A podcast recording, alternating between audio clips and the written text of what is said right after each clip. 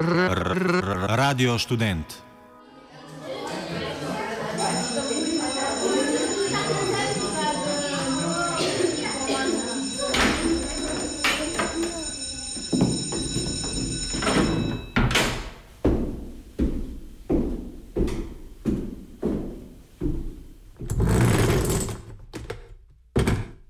Gostujočimi komentatorji in komentatorkami vsak ponedeljek sprevračamo katedro Radia Student. Premislimo izobraževanje pod katedrom. Ustava in zakon o visokem šolstvu.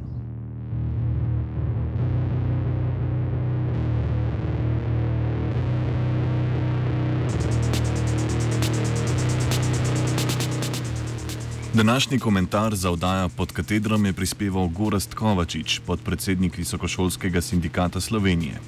Dotaknil se je problematike možne ustavne presoje zakona o visokem šolstvu, ki je prišla na idejo rektorjem slovenskih univerz.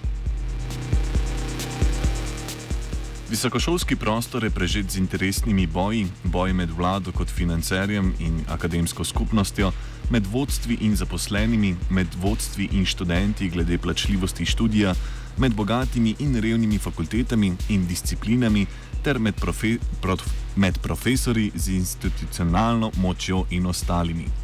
V vseh teh bojih gre vedno za denar, včasih pa tudi za prestiž ali za užitek oblasti kot take.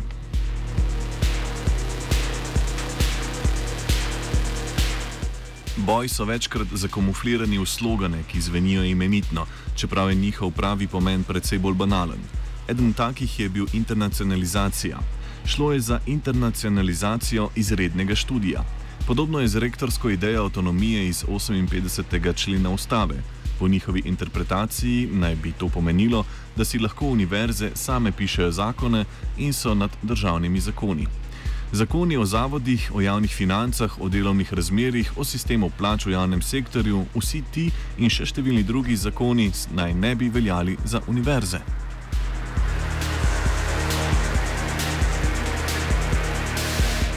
Skladno s tem pogledom je zdaj že nekdani rektor Univerze v Mariboru Igor Tičer na svetu za visoko šolstvo čisto resno predlagal, da bi smel za univerze veljati le poseben zakon o univerzi z enim samim stavkom univerza je.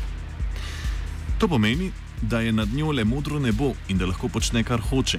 Pozabil je na tisto drugo, kar bi dostavil Kant kot ključni teoretik avtonomije subjekta, namreč na moralni zakon v nosilcu avtonomije.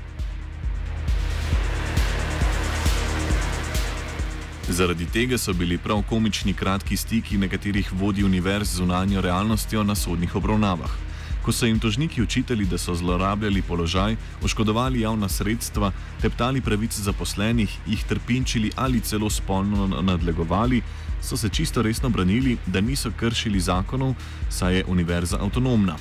Ta pravosodna praksa je pokazala, da avtonomija univerze v praksi pomeni samo voljo.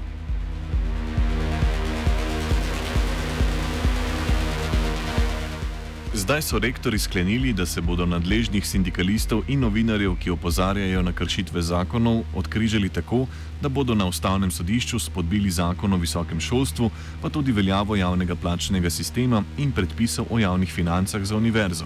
Ta naj bi izstopila iz javnega sektorja in postala nekakšna nevladna organizacija s samo svojim pravnim statusom.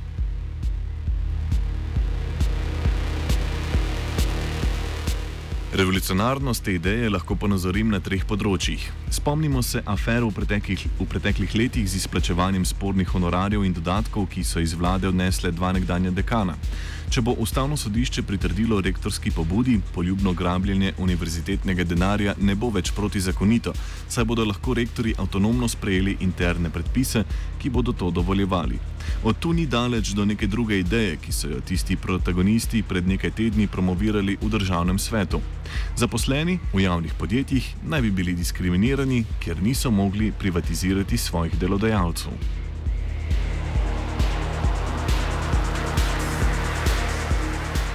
Drugo revolucionarno področje zadeva zaposlene. Rektori na ustavnem sodišču spodbijajo zakonsko določitev pedagoškega normativa in umeščenost univerz v javni plačni sistem. Kaj to pomeni v praksi?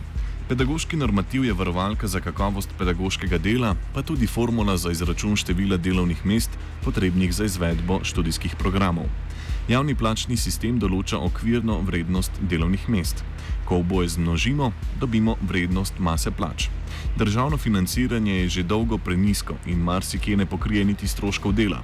Akademski menedžment se zato zateka k vrčevanju, med drugim s kršenjem normativa.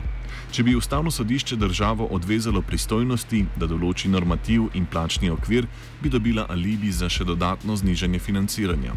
Rektori zahtevajo, naj jim da država posem proste roke in upajo, da bodo hkrati dobili enako veliko vrečo proračunskega denarja. To je iluzija. Zakaj se potem rektori spuščajo v avanturo deregulacije? Z njo ne bi dobili denarja, zato pa skoraj neomejeno oblast. Vstopili bi v kraljestvo korporativnega upravljanja, v katerem bi zaposlenim individualno določili plače in normativ.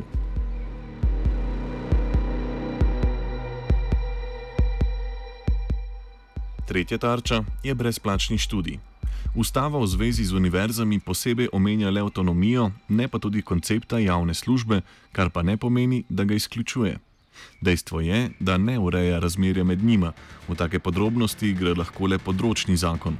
Iz opredelitve javne službe sledi več stvari: finančne obveznosti države, njena pristojnost določiti obseg in merila kakovosti javne službe, ter pravico državljanov do materialne dostopnosti študija.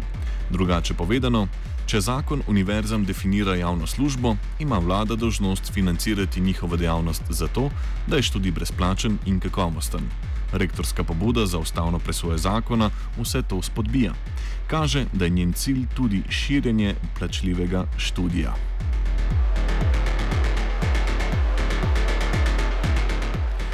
Komentar je prispeval Gorast Kovačič, podpredsednik Visokošolskega sindikata Slovenije.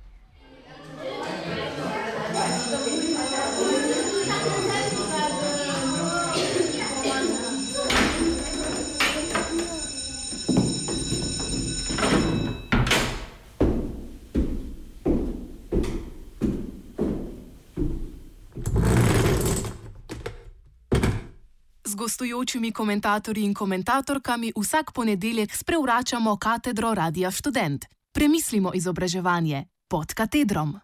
Ви слухаєте Радіо Студент на хвилі 83 МГц КВ Стерео. Бажаю вам ясного сигналу та чіткої картинки.